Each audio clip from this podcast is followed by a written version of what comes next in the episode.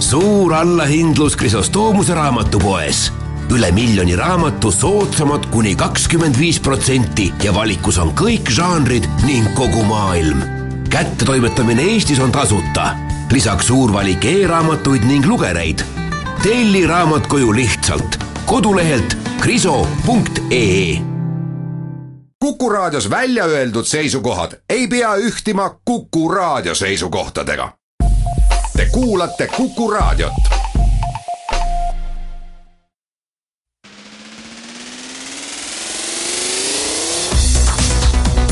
muuli ja Samost. muuli ja Samost. tere, head pühapäeva kõigile, alustame saadet Muuli ja Samost. stuudios on Anvar Samost ja Kalle Muuli ja tänases saates räägime presidendivalimiste nädalast, eelkõige siis Marina Kaljuranna nädalast, räägime firmaautode maksustamisest, nendest ettepanekutest, mida Rahandusministeerium äh, praeguse maksustamiskorra muutmiseks on teinud, äh, taksoteenusest ja kokkuleppevedudest, äh, sellest, kuidas Eestisse ebaseaduslikult sattunud immigrandid pärast pooleteise aastast viibimist väljasaatmiskeskuses kodututena tänavale satuvad ja saate lõpetuseks, kui aega jääb, siis räägime ka Neinal-Seli vanaemast. muuli ja Samost. aga alustame siis presidendivalimistest, milleni on veel, veel neli kuud aega. noh, sõltub, kus valitakse, et kui Riigikogus, siis äh, vähem ja kui valimiskogus siis äh, rohkem, aga nüüd meil vähemalt selle nädalaga äh, või, või natuke rohkem kui nädalaga on tekkinud äh, kolm presidendikandidaadi kandidaati, võiks siis ütelda noh, ebaviisakamalt üteldes siis ise hakanud kandidaati, aga viisakamalt üteldes siis inimest, kes on väljendanud valmisolekut kandideerida presidendiks, juhul kui keegi neid tahab kandidaadina üles seada. mina olukorra lihtsustamiseks ja mõnede selliste äh, kiuslike inimeste ärritamiseks soovitaksin kõiki neid inimesi, kellel on avalik toetus selgelt ja, ja mingi tõenäosus presidendiks saada ning kes ise on öelnud, et nad kavatsevad kandideerida, et ma soovitaksin neid kõiki siiski nimetada kandidaatideks, et ei ole mõtet mängida mingisugust klaaspallimängu siin, et kes on pretendent ja kes on kandidaadi kandidaat ja, ja kes on pürgija ja no tegelikult, Anvar, nii päris ei saa ikkagi käsitleda, sest on. Äh, nende inimeste ring, keda üldse saab Riigikogus üles seada, on ikkagi väga piiratud. et kui meil tekib ikkagi kümme kandidaati, kellel tõesti on tõ-, mingigi tõenäosus, ma ei tea, mis ja. see peab siis olema, üks või viis protsenti, et, äh, et see on ebareaalne, sellepärast et äh, Riigikogus maksimum neli vist saab üles, üles seada, kuna kakskümmend üks häält on, ei vea välja. jah, ei vea jah, nii et, nii et neli, neli, neli. on maksimum, meil on kolm tükki juba nendest olemas, nii et no,, nii et üks veel saaks, emb-kumb meist siis võiks nüüd pretendeerida. lihtsuse mõttes nimetaksime ikkagi neid kandidaatideks terve mõistuse raames, et küllap ma arvan, et avalikkus ja ajakirjandus teeb vahet, et kes tegelikult võib osutuda noh, lõpuks ka selleks nii-öelda juriidiliselt äh, määratletud kandidaadiks ja kellel sellised võimalused täielikult äh, puuduvad, aga äh, kui eelmisel nädalal rääkisime siin Siim Kallase kõnest, siis ma arvan, et sel nädalal on meil väga palju põhjust rääkida Marina Kaljurannast ja tema nädal on olnud tõeline selline tormiline arengunädal, et kui nädala alguses vastuseks Delfi küsimustele, ma võtan siit materjali ette, et mitte eksida, Marina Kaljurand teatas, et tema samasugust kõnet pidada ei kavatse, ei ole plaanis oma mälestustest kõnesid pidada, siis eile õhtul istus Marina Kaljurand seal kuskil nelja-viiekümne inimese ees Tallinna Kultuurikatla saalis ja rääkis oma mälestustest nii kooliajast kui ülikoolist kui diplomaadiks olemisest ja rääkis just sellises presidendiks kandideerimise võt-, võtmes ja noh, pärast selle ürituse ärakuulamist kõigil neil, kes seal saalis olid, kindlasti ei olnud enam mingit kahtlust, et Kaljurand väga selgelt väl-, väljendas oma soovi ja äh, valmisolekut presidendiks kandideerida ja ta isegi ütles, et ta arvab, et, arvab, et temast saaks Eestile äh, väga hea president, nii et ma arvan, et Kaljuranda võime täie kindlusega samuti presidendikandidaadiks nimetada, ainult nädala jooksul on toimunud selline minu meelest kiiduväärne seisukohtade areng, et kui nädala alguses, ma ei tea siis, kelle Äh, nõu, nõu kuulates Kaljurand arvas, et debatti pidada ei ole vaja, siis nädala lõpus ta juba käitus, nagu üks kandidaat käituma peab. no tegelikult on see siiski ma ütleks isegi veidi, veidi selline enneolematut olukorda meenutav, meenutav seis, kus me ei saa isegi ütelda, et kelle kandidaat ta siis on. et väga palju on siin räägitud, et president peaks olema parteide ülene ja, ja noh, ma saan aru selle jutu mõttest, aga tegelikult, kui me vaatame Eesti ajalugu, ja seda juba natuke on, eks ju, üle kahekümne aasta, et uuemat ajalugu ma mõtlen, pärast okupatsiooni, siis kõik meie presidendid siiamaani on ju olnud parteide kandidaadid. Nad ei ole olnud isegi mitte mingisugused parteide kokkuleppekandidaadid algselt, vaid nad on olnud äh, no ütleme, et Lennar, Lennart Meri esimese presidendina ei olnud küll äh, Isamaa äh, valimisliidu ühegi erakonna liige otseselt, aga ta oli selgelt Isamaa kandidaat, Isamaa erakond seadis ta üles. mitte ei olnud nii, et Lennart tuli ja ütles, et ma tahaksin presidendiks saada ja siis mitu kuud hiljem äh, leidus üks erakond, kes teda toetas. täpselt samuti seati esimestel valimistel ka te-, teised äh, kandidaadid selgelt erakondade poolt üles, nad, nad olid, samastusid mingi erakonnaga samamoodi Arnold Rüütel, järgmine president, oli Rahvaliidu liige ja selgelt oli ka ta Rahvaliidu kandidaat, hiljem toetas teda Keskerakond ka. Ja, ja kolmas president, Toomas Hendrik Ilves, oli Sotsiaaldemokraatliku Erakonna liige, olnud ka esimees seal ja seati küll üles Reformierakonna poolt, aga, aga ikkagi selgelt parteiliselt positsioneeritud äh, inimesed ja, ja, ja ka jõud nende taga. et nüüd me oleme siin olukorras, kus on kaks parteitut kandidaati, no ühe kohta võib tingimisi parteitu ütelda, eh, kes on küll Reformierakonna poolt välisministriks seatud, aga, aga otseselt erakonda ei kuulu, Jaak Jõerüüt, kes on kuulunud Reformierakonda jälle ja, ja, ja, ja praegu minu teada vist ei kuulu, no ma ei ole väga, väga täpselt neid registreid jälginud, et võin ka eksida. ja, ja siis Reformierakonna auesimees et kõik inimesed mingil moel seotud ühe erakonnaga küll, aga me ei tea, kes neid toetama asub ja, ja kelle kandidaadid nad on või milline poliitiline jõud nende taga on, nii et ega minu meelest see olukord küll kuidagi meil, meil nagu selgem selles mõttes ei ole, kui, kui, kui siis, kui neid kandidaate ei oleks olemas. kui inimesed ei oleks teatanud mitte midagi. sest täiesti võimalik, et mitte ühestki nendest ei saa tegelikku reaalset kandidaati. erakonnad lepivad kellegi kolmanda peale kokku ja, ja, ja ongi nii. aga kas see oleks nagu soovitav asjade käik? minu meelest soovitav asjade käik oleks see, kui meil oleks äh, korralik presidendivalimiste seadus. minu meelest on see praegu noh, seadus olematu ei tahaks ütelda, aga, aga üsna ebaõnnestunud ja ja kogu meie see kakskümmend aastat ajalugu on läinud selle peale, et äh, pärast presidendivalimisi rääkida, et kas peaks rahvas valima või peaks Riigikogu valima, ja selle üle, et teha korralik seadus presidendi valimiseks Riigikogus ja valimiskogus, kus oleks kirjas mõistlik tähtaeg, mille jooksul tuleb üles seada kandidaadid, mõistlik viis, kuidas need kandidaadid siis oma seisukohti ja aeg tutvustavad, et see oleks normaalne. ega see aeg ei peaks sugugi olema neli kuud enne et kui me mõtleme Riigikogu valimiste peale, siis Riigikogu kandidaadid registreeritakse poolteist kuud enne valimisi, laias laastus. et sellest ajast minu meelest piisab küll ja, ja, ja kui meil on äh, presidendivalimised kolmekümne esimesel või kolmekümnendal augustil, nagu, nagu nad äh, Riigikogus on, siis täiesti piisaks, kui juuli keskel oleks see tähtaeg, millal erakonnad peavad üles seadma ja, ja, ja muud protseduurid ja tuleks ette näha ka siis, kuidas see teine ja kolmas voor toimuvad, kes seal täpselt võivad osaleda, kas seal võib uusi kandidaate seada ja nii edasi. et selle võiks äh, korda teha ja see oleks normaalne, aga ausalt öeldes ma ei saa seda ka päris normaalseks pidada, kui inimesed ise ütle, tulevad tänavale ja teatavad, et, et ma tahan nüüd presidendiks saada ja erakonnad, palun, kas keegi leidub, kes mind esitaks, et see meenutab mulle ikkagi üheksakümne teist aastat, kus Jaks Lankots, äh, Miina Hint ma ei taha neid ka praegusi kandidaate võrrelda isikutena nendega, vaid ol-, olukorda, millesse nad on pandud. Ütlevad, et nüüd meie tahaksime kandideerida ja hakkame hääli koguma, tol ajal koguti muide kümme tuhat häält ja kes seda kokku ei saanud, ei saanud kandideerida. erakorraline situatsioon, et äh, ma ei tea, ma selles mõttes nagu ühest küljest ma nagu olen nõus, et jah, seadus võiks olla nagu selline, nagu sa kirjeldad, et ei vaidle vastu, aga teisest küljest ega seaduse puudumine eh, ei ole ettekäändeks käituda kuidagi küüniliselt või, või ebaviisakalt, et ei ole ka ilmselt seadust selle kohta, et mitu korda nädalas või kuus peab inimene duši all käima, aga mina käisin ometigi täna hommikul duši all selleks, et sa võrdled väga eraelulisi probleeme riigi no ma võin ka mingi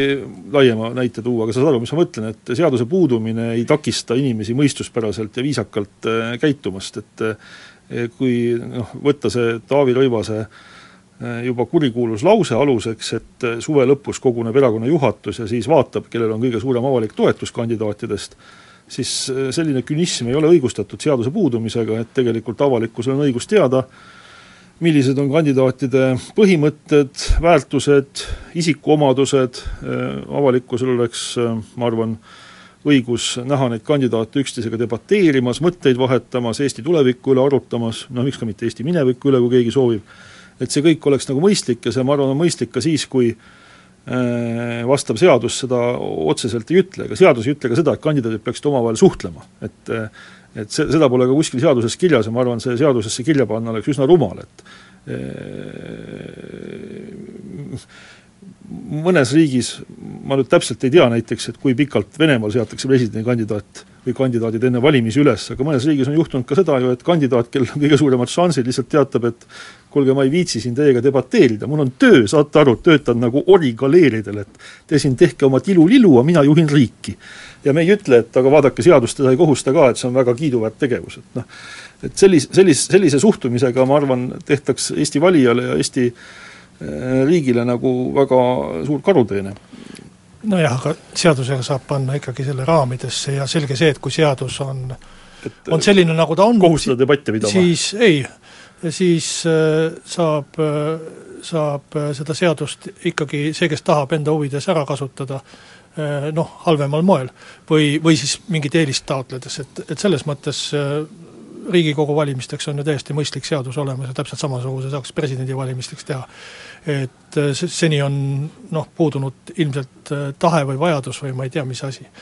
et et äh, jah, aga, aga see selleks, et samas kui siin rääkida, sa mainisid neid populaarsemaid kandidaate, siis tegelikult äh,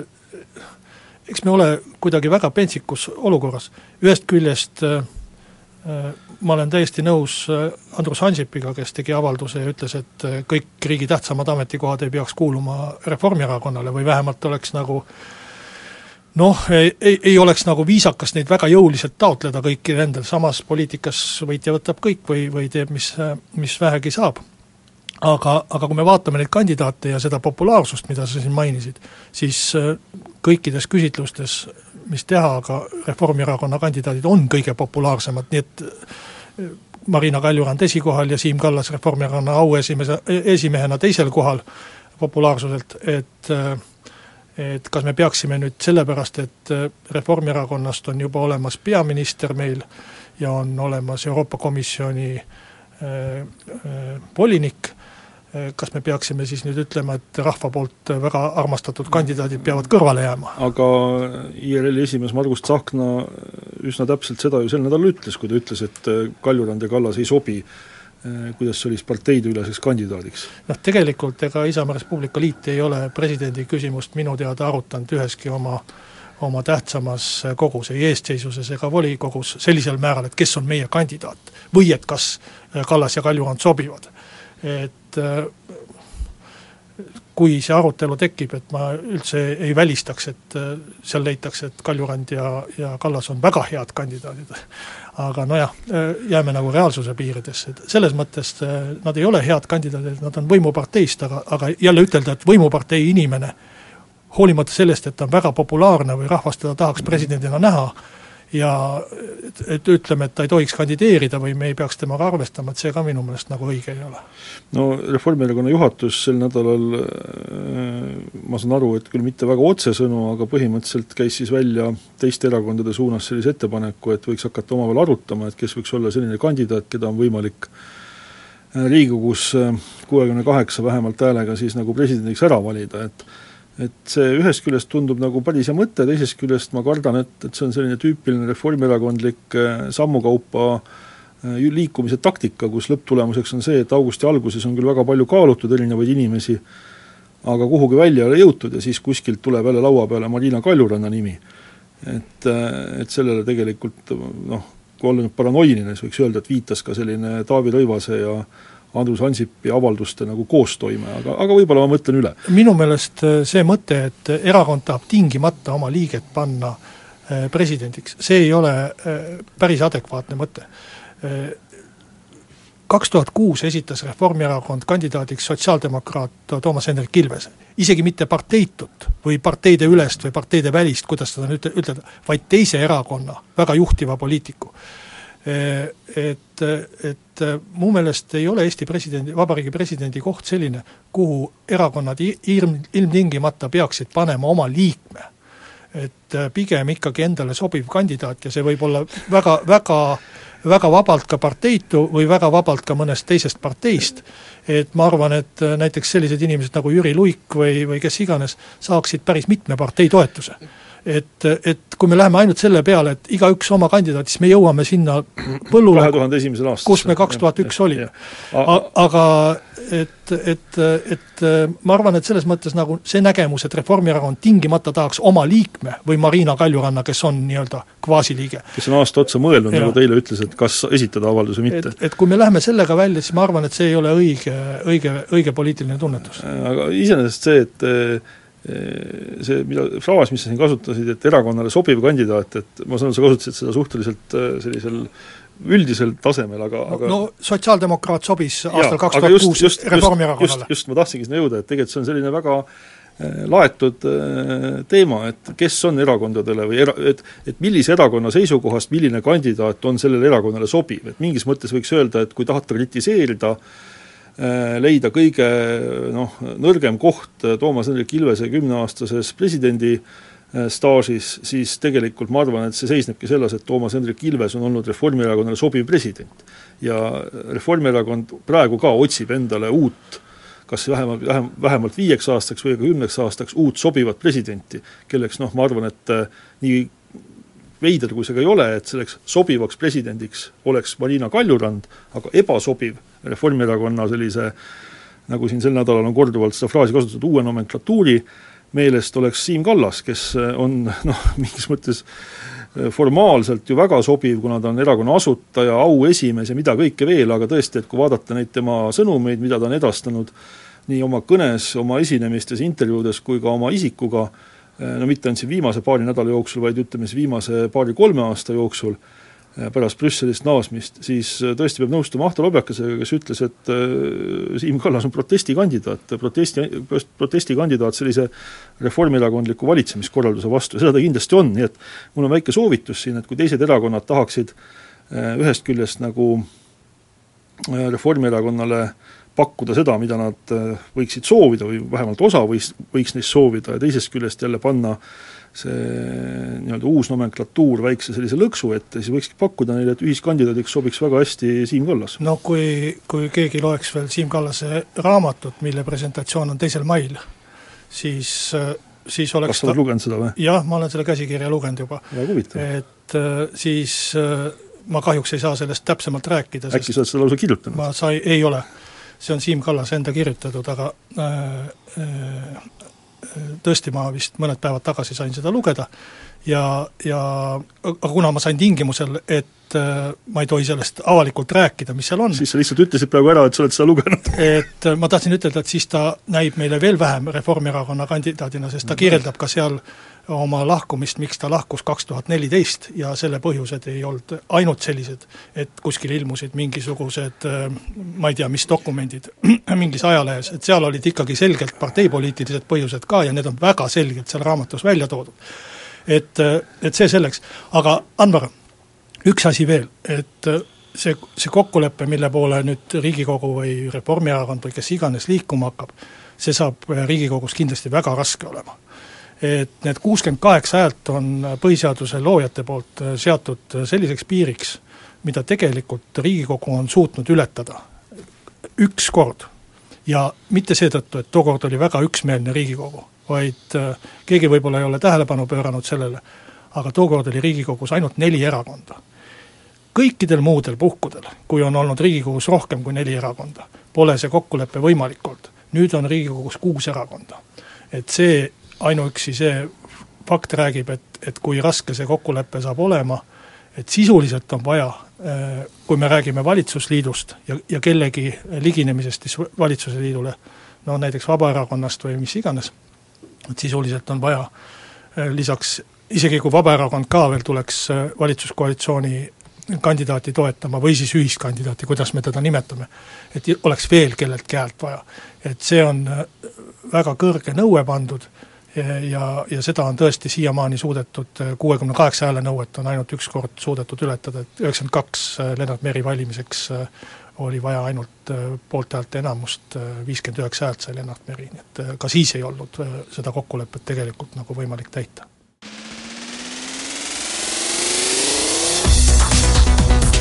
Muuli ja Samost. muuli ja Samost.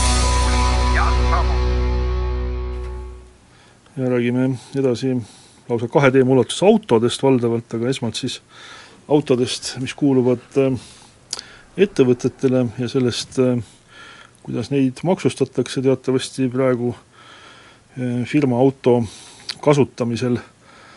Äh, tuleb pidada sõidupäevikut, et siis oleks selge, et kui palju seda autot on kasutatud ähm, töösõitudeks ja kui palju erasõitudeks ja vastavalt tuleb siis maksta erisoodustusmaksu, kui autot kasutatakse täies ulatuses töösõitudeks, siis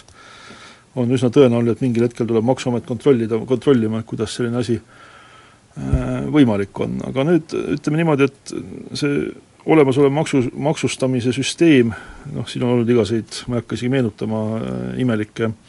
vahejuhtumeid, kus on käidud inimeste kodudes ja poodide ees ja spordiklubide taga ja kuskil veel neid numbreid vaatamas, et see on tekitanud palju ühiskondlikku rahulolematust ja Rahandusministeerium, ma olen täitsa kindel, väga heade kavatsustega tuli välja siis sellise olulise reformi ettepanekute komplektiga, kuidas teistmoodi seda maksustamist korraldada, nii et see oleks vastuvõetavam ja kuidagi põhjendatum ja võib öelda, et kaks suuremat ettepanekut on siis esiteks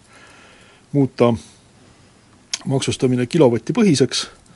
sellest lähtuvalt oleks siis erisoodustusmaksu määr ja, ja teiseks siis ja, ja, ja ühtlasi kaoks ära see mm, äh,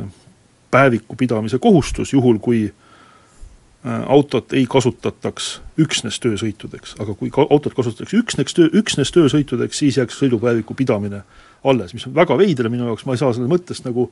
eriti aru, kuna äh, võib-olla Maksuametis, noh ma ei usu, et Maksuametis on nii eluvõõraid inimesi, aga, aga mina konkreetselt tean näiteks ühte inimest, kes kirjutas endale väikse Exceli programmi, mis ise täidab tal sõidupäevikut juba mitu aastat. Et kui nüüd erasõidud veel ära jätta, siis see nii-öelda roboti töö muutub veel lihtsamaks. aga noh, see on veel selline asi, mille üle võib vaielda, aga nüüd asi, mis on täiesti pöörane tegelikult, on äh, ettepanek siis äh, üksnes ettevõtluse tarbeks kasutatavatele autodele äh, nende märgistamine vastava kleepsuga või kleebisega. et sellest ma ei saa nagu üldse enam aru, et Anvar, kuidas sa ei saa aru, see on, see on, see on purka. mis purka? Kui on olemas üks tegelikult tegemist on ida-, ideekavandiga, mis ei ole aga see on Rahandusministeeriumi ametnik, ame-, ametlik ettepanek, mida minister esitles. ja, ja, ja, kõik on õige, see läheb valitsusse ja valitsus ja. arutab neid ide-, neid ideid. et ma nimetaks seda seaduseelnõuks, aga äh, et ei ta isegi eelnõu ei ole. jaa, jaa, ma tean. aga et kui meil on olemas mingi keeruline seaduseelnõu, mis räägib mingist keerulisest probleemist, seal on igasuguseid tähtsaid asju. enamik inimesi ametiautode maksustamisest midagi ei tea. aga siis on üks asi sinna kirjutatud, nii nagu oli äh, Isamaa Res Publica Liidu äh, äh, ettepanekute paketis äh, välismaalaste või rahvusvahelise kaitse andmise seaduse ja, ja kuidas üldse pagulasi kohelda, oli, oli kirjutatud, et purka,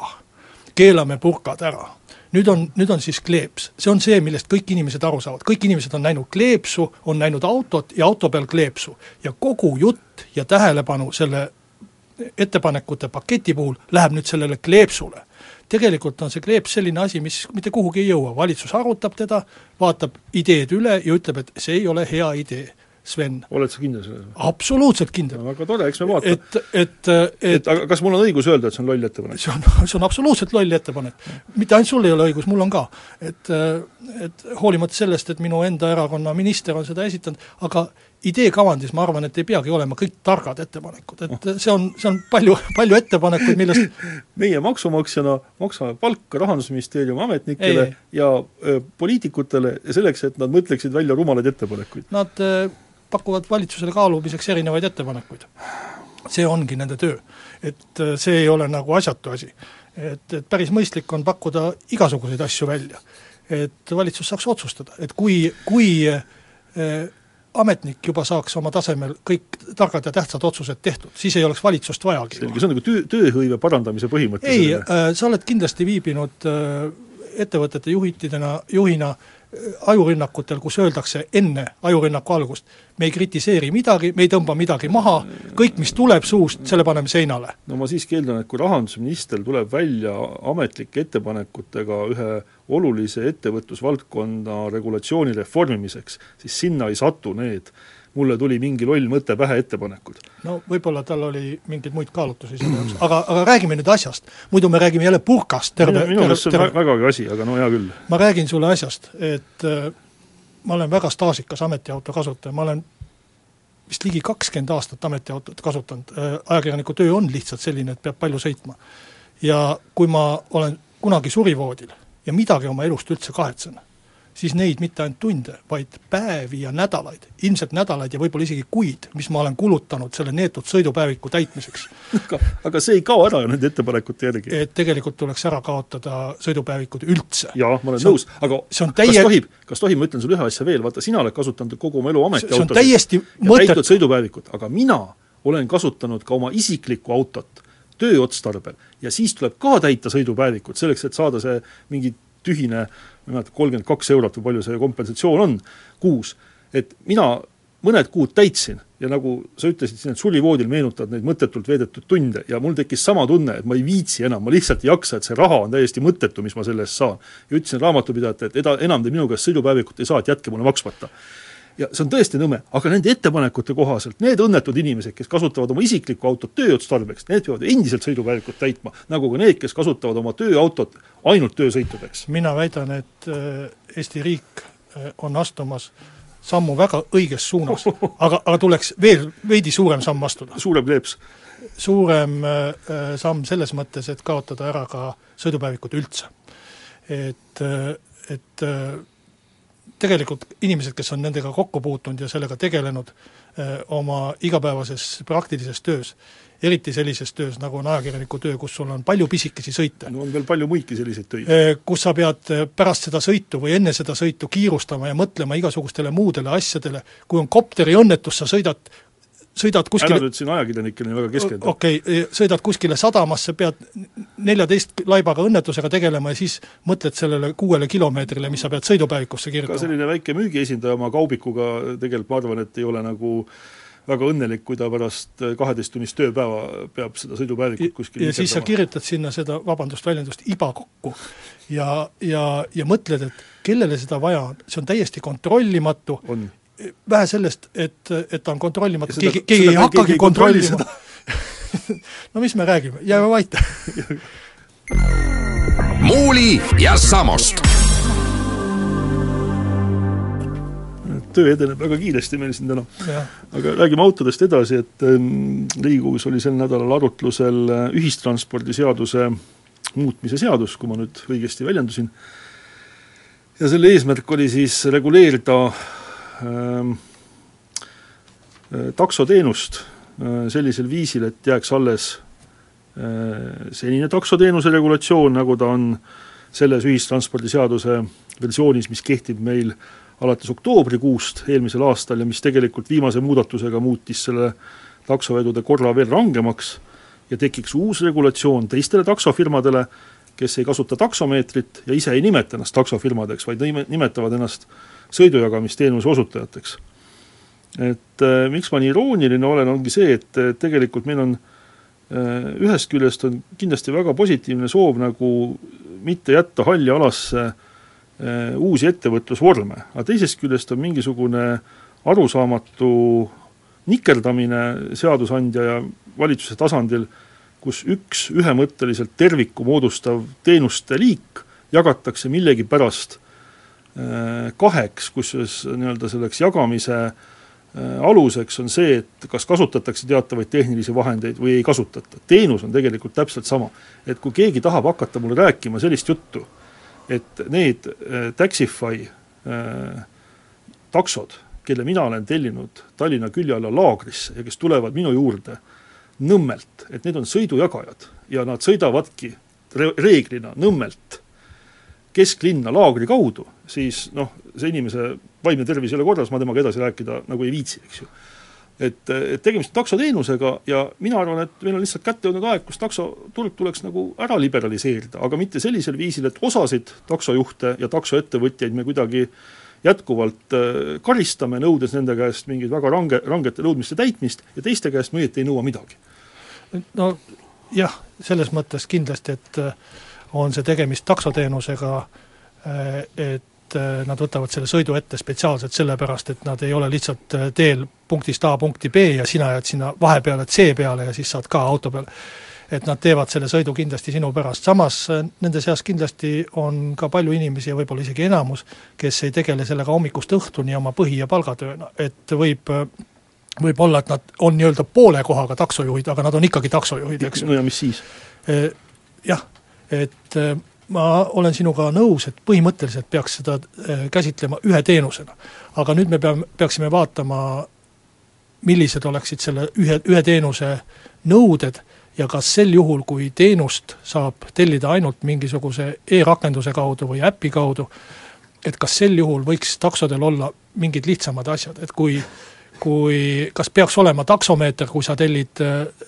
äh, takso rakenduse kaudu, mille pealt sa näed kohe hinda ja maksadki selle hinna. et äh, taksomeeter on ikkagi nagu hinna õigla-, õiglaseks väljaarvestamiseks, kui seda hinda saab kuidagi teistmoodi teada saab ju praegu siis siis me võime seadusse panna ka sellest... kirja, et, et peab olema kas äpirakendus või, või taksomeeter, emb-kumb nendest, eks. Nende samade äppide kasut-, ma olen, ma olen sõitnud no, Uberiga, kui ma olen sõitnud Taxify'ga, kui ma olen sõitnud veel mingi kolmandat sorti minu, minu mobiiltelefon maksab nelikümmend eurot ja, ja seal ei ole mingeid äppe. mul on, äh, mitte ainult üks, ma vaatasin, mul on neli taksoäppi telefonis, nii et kui keegi tuleb veel ütlema, et ma ei tea sellest midagi, siis noh, selles mõttes see ei vasta tõele. et see, see äpp toimibki nagu taksomeeter, sa näed seal väga täpselt, et kui palju oli sõiduaega, kui palju oli ooteaega, kui palju oli lihtsalt ajatasu, no jaa, aga nende inimeste, nende inimeste jaoks, kelle, kellel ei ole seda, et et, et ma pean siis et, nagu peast maksma? ei pea peast maksma, siis sa lihtsalt helistad ja tellid endale selle tavapärase takso, eks. jah,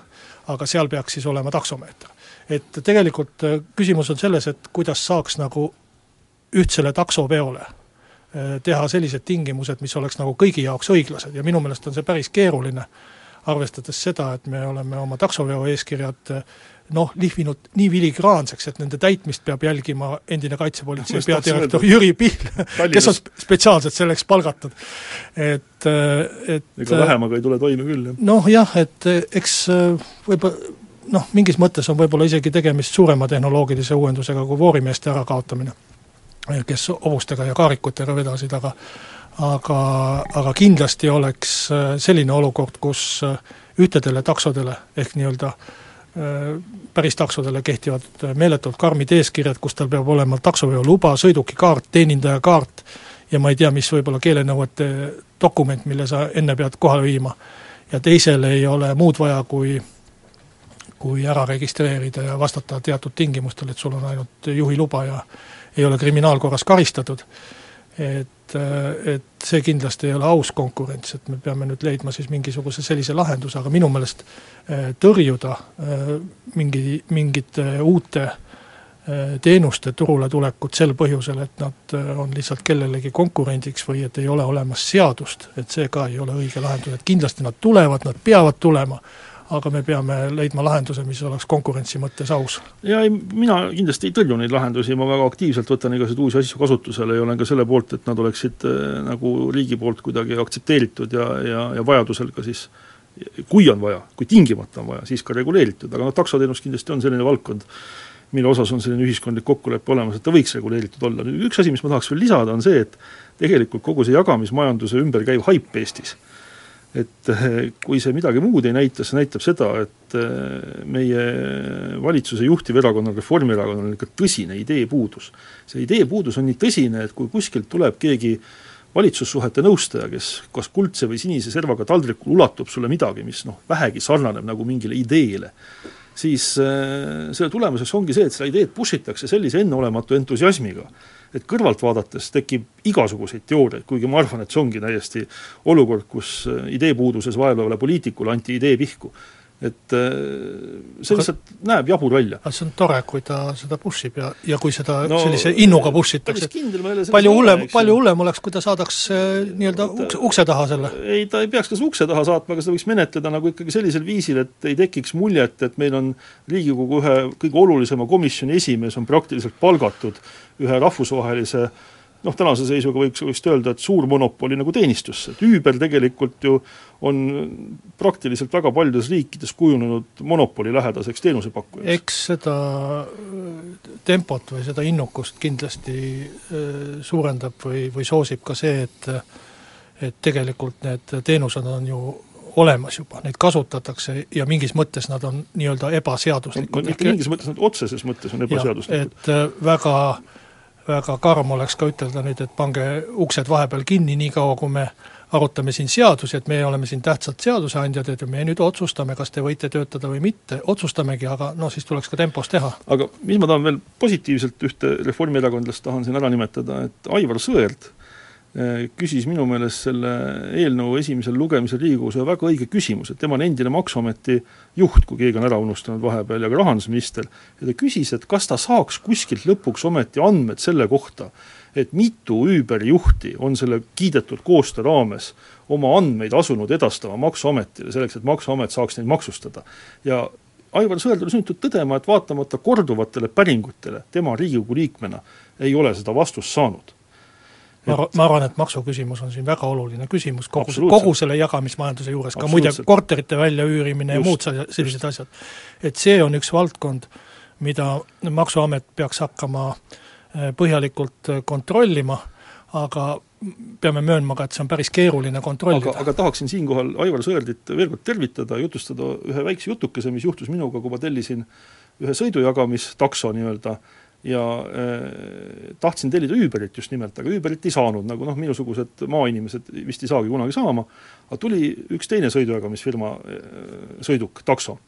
ja ma küsisin, et huvitav, miks neid Uberi juhte siis nii vähe on, et miks neid on nii raske saada ja äh, juht vastas, et ta sõitis ka varem Uberiga. aga kui Uber tegi Maksuametiga selle kokkuleppe, siis pärast väga suur osa juhte lahkus Uberist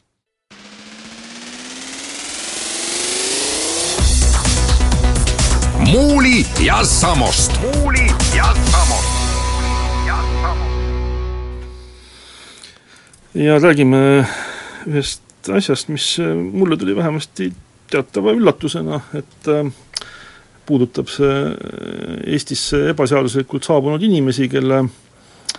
kelle jaoks on siis Eestis ette jäetud selline siseriiklik protseduur, et kõik sellised inimesed koondatakse kinnipidamiskeskusesse või väljasaatmiskeskusesse, ma ei tea, kuidas ametlik nimi, nimetus on, Harkus on see Eestis, ja siis äh, riik asub tuvastama, äh, kuidas need inimesed Eestisse on saabunud, kus riigis nad on kodakondsed või kust nad pärit on, mis riikide kaudu nad on tulnud, ja kui õnnestub, siis nad saadetakse kas sinna päritoluriiki või siis sellesse riiki, kust nad Eestisse jõudsid, milleks väga tihti on siis Venemaa, tagasi, aga ometi juhtub niimoodi aeg-ajalt, et äh, inimeste seda äh, päritolu ei õnnestu tuvastada või, või ei ole neid võimalik tagasi saata mingitel põhjustel, mida võib olla väga palju, eks ju, riike on igasuguseid, ja äh, ei saa ka seal väljasaatmiskeskuses inimesi lõpmatult kinni hoida, Eesti on ikkagi õigusriik, et mingi aja möödudes tuleb inimene kinnipidamiskohast vabastada ja vastavalt seadusele siis sealt Harku kinnipidamiskeskusest need, kes Äh, keda isikut ei ole tuvastatud või keda pole suudetud tagasi saata, lastakse välja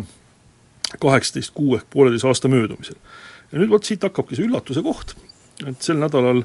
mina nägin konkreetselt Kanal kahe Reporteri uudist, aga ma saan aru, et erinevad ajakirjandusväljaanded, ERR vist esimesena on seda teemat kajastanud ja see üllatuse koht seisneb selles, et et nüüd on siis äh, mingi väiksem grupp, vist kuus inimest, kes on Aafrikast pärit, on äh, sealt väljasaatmiskeskusest selle kaheksateist kuu möödumisel vabastatud ja korraldus on siis nüüd selline, et need inimesed on antud üle nii-öelda Tallinna linna äh, sotsiaalhoolde talitusele, äh, kes mm, ühesõnaga, see inimene tuuakse sealt Harkust politseiautoga Tallinnasse ja viiakse kodutute varjupaika põhimõtteliselt, kus tal on siis õigus Äh, nagu kõigil kodututel õhtul üheksast kuni hommiku, ma ei tea, mis kellaaega nad välja aetakse sealt, ööbida, aga mitte mingeid muid õigusi sellel inimesel ei ole, tal ei ole ühtegi dokumenti, tal ei ole elamisluba, mistõttu ta ei saa tööle minna ega endale elatist teenida, ega ka kuhugi tegelikult sõita ametlikult, ja tal on kohustus käia siis ennast iga hommikul politsei, politseis registreerimas. Ja Kanal kahe reporter oli teinud selle, selle, selliste, sellise saatuse pälvinud inimestega intervjuu ja ausalt öeldes oli seda väga, väga kole vaadata, sest et olenemata sellest, kuidas need inimesed siia on jõudnud, nad on ikkagi inimesed, ja kui Eesti riik paneb nad olukorda, kus neil ei ole õigust tööle minna, neil ei ole raha, neil ei ole dokumente ja ainukene õigus tege-, ei ole ka õigust saada mingeid sotsiaaltoetusi ega abi. ja nende ainuke õigus tegelikult on käia seal kodutut öömajas ööbimas, no see on ikka tegelikult kole lugu mitmel põhjusel, et see on korralagedus, see on noh, tegelikult ebainimlik. Ja noh, peab lihtsalt Jumalat tänama, et praegu ma saan aru, et Äh, need inimesed ei ole vabanenud äh, mitte detsembrikuus, vaid aprillis, kui ikkagi välistemperatuur alla nulli ei lange, et äh, vastasel juhul tõesti ma ei kujuta ette, mis nendega, mis nendega siin Eestis võib juhtuda. ja vist kokku ajaloo vältel on niimoodi vabastatud Eestis neliteist inimest ja nagu siseministeeriumi ametnik on öelnud ERR-ile, enamus neist on siit lahkunud teadmata suunas. ja mul ongi tunne, et selle taga ongi selline suhteliselt küüniline äh, Äh, idee, et laseme nad sealt välja, küll nad siit Eestist kuskile vaikselt jalga lasevad. aga nii ei saa asju ajada üks korralik äh, inimlik riik. minu meelest äh, noh, ma olen täiesti nõus sinuga, et see on, see on jabur olukord ja, ja absurdne ebainimlik, aga aga veidral kombel äh, see olukord ühest küljest tuleneb äh, inimõigusi kaitsva Euroopa Liidu nõudest, et, et neile inimestele võib äh, elamis- ja tööloa anda alles äh, viie aasta möödudes. et viis aastat peavad nad kuidagi siis äh, riigis olema ebaseaduslikult elanud ja, ja noh, ma ei, ma ei kujuta ette, mil, mil viisil nad saavad, aga aga teisest küljest nende, nende kuskile saatmist, olgu siis sinnamaale, kus, sinna riiki, kust nad tulid, või, või sinna riiki, kust nad üldse pärit on, mis nende kodumaa on, takistab põhimõtteliselt see, et ega sa väga vastu taht-, vastu selle riigi tahtmist ei saa kedagi kuhugi saata ju. kui ikka Venemaa ütleb, et ta ei võta vastu ja kui Guinea ütleb ka, et ta ei võta vastu, siis äh, jääb üle lennukiga sõita Venemaa kohale, rikkuda piiri ja visata langevarjuga inimene alla või, või ega, ega muud võimalust praktiliselt ei ole, see oleks veel ebainimlikum minu meelest. et äh, ja teisest küljest, kuna me oleme Schengeni viisaruumis, äh, mingit eraldiseisvat piirikorraldust meil ei ole ja, ja kõik, kes saavad Eestis elamisloa, saavad tegelikult Euroopa Liidu elamisloa, siis me ilmselt peame arvestama ka selle viie aasta nõudega. et mis see inimlik lahendus võiks olla, on tegelikult äh, päris keeruline välja mõtelda, et ma, ma kujutan ette, et äh, väga paljudes teistes Euroopa Liidu riikides, eriti Lääne-Euroopas või, või, või Rootsis või Soomes, nad äh, lihtsalt leiavad peavarju oma kogukondade juures, mis on nii suured nendes riikides, kus on oma, oma noh, kaasmaalasi, kes neid abistavad. aga Eestis peaks küll kiiremas korras midagi välja mõtlema. Ja mis see on, ilmselt ikkagi läbirääkimiste pidamine, et kodumaale saata või siis võimaldada neil erandkorras tööd teha, otsida mingile elatist, aga ma ei tea, kas, kas ka see võimalik on. muuli ja Samost. Ja me lubasime rääkida Neinar Seli vanaemast ja oma sõna on meil kavas ka pidada. ega me ausalt öeldes ei tea, kas Neinar Seli jah, see on huvitav olukord. kas tal ongi vanaema? ta ise väidab, et, et tal on, aga ühesõnaga lugu on selles, et Riigikogus on meil olemas Tallinna Sadama altkäemaksu juhtimi, juhtumi uurimiskomisjon ja nüüd äh, sel nädalal selle komisjoni tegevust äh, pikendati, kuna see tundub olevat sedavõrd laialdane juhtum, et äh, nii kiiresti selle uurimine lõppeda ei saa, aga ma arvan, et pikendamise üheks põhjuseks oli ka see, et Tallinna Sadama juhatuse liikmed ja altkäemaksu võtmises kahtlustuse saanud Allan Kiil ja Ain Kaljurand ning kümme aastat Tallinna Sadama nõukogu juhtinud äh, Neinar Seli äh, ei ole ilmunud sinna uurimiskomisjoni ette küsimustele vastama. Ja kui Allan Kiil ja Ain Kaljurand on lasknud oma advokaatidel lihtsalt teatada uurimiskomisjoni, et nad ei tule, siis nüüd tsiteerides Artur Talvikut, kes on selle uurimiskomisjoni esimees, Neinar Seli on teada andnud Riigikogu uurimiskomisjonile, et ta ei saa tulla, kuna tal on vanaemaga sõlmitud kihlvedu, mis keelab üle Riigikogu läve astuda, ma kordan, Neinar Seli on andnud Riigikogu uurimiskomisjonile teada, et ta ei saa tulla Riigikogu uurimiskomisjoni ette selgitusi andma, kuna tal on vanaemaga sõlmitud kihlvedu, mis keelab tal üle Riigikogu läve astuda. Äh, tahaks ju nalja teha, aga minu meelest see ei ole naljakas. minu meelest ka ei ole. et äh, Riigikogu uurimiskomisjonid on sellised, et põhimõtteliselt iga inimene võib teatada, et ma ei tule. Ja põhimõtt-, põhimõtteliselt iga inimene võib teatada, et tal on oma vanaemaga kihlvedu, et ta ei tule. aga äh, noh, see ei tähenda veel, et iseenesest sellest, et uurimiskomisjonil ei ole volitusi või võimalusi inimesi sundkorras tuua või, või ka neil mingisuguseid selliseid menetluslikke toiminguid teha, mis on politsei või prokuröri kasutuses, et, et sel juhul peab tingimata noh, endast lugupidav inimene hakkama oma, oma riiki või oma mingisuguseid riigi esindusorganeid mõnitama või, või jubedaid vaimukusi pilduma et noh, see on ikkagi väga madal Neinar Sellist. sellega tänaseks lõpetame, Kalle Muuli Anvar Samost taas Kuku eetris nädala pärast.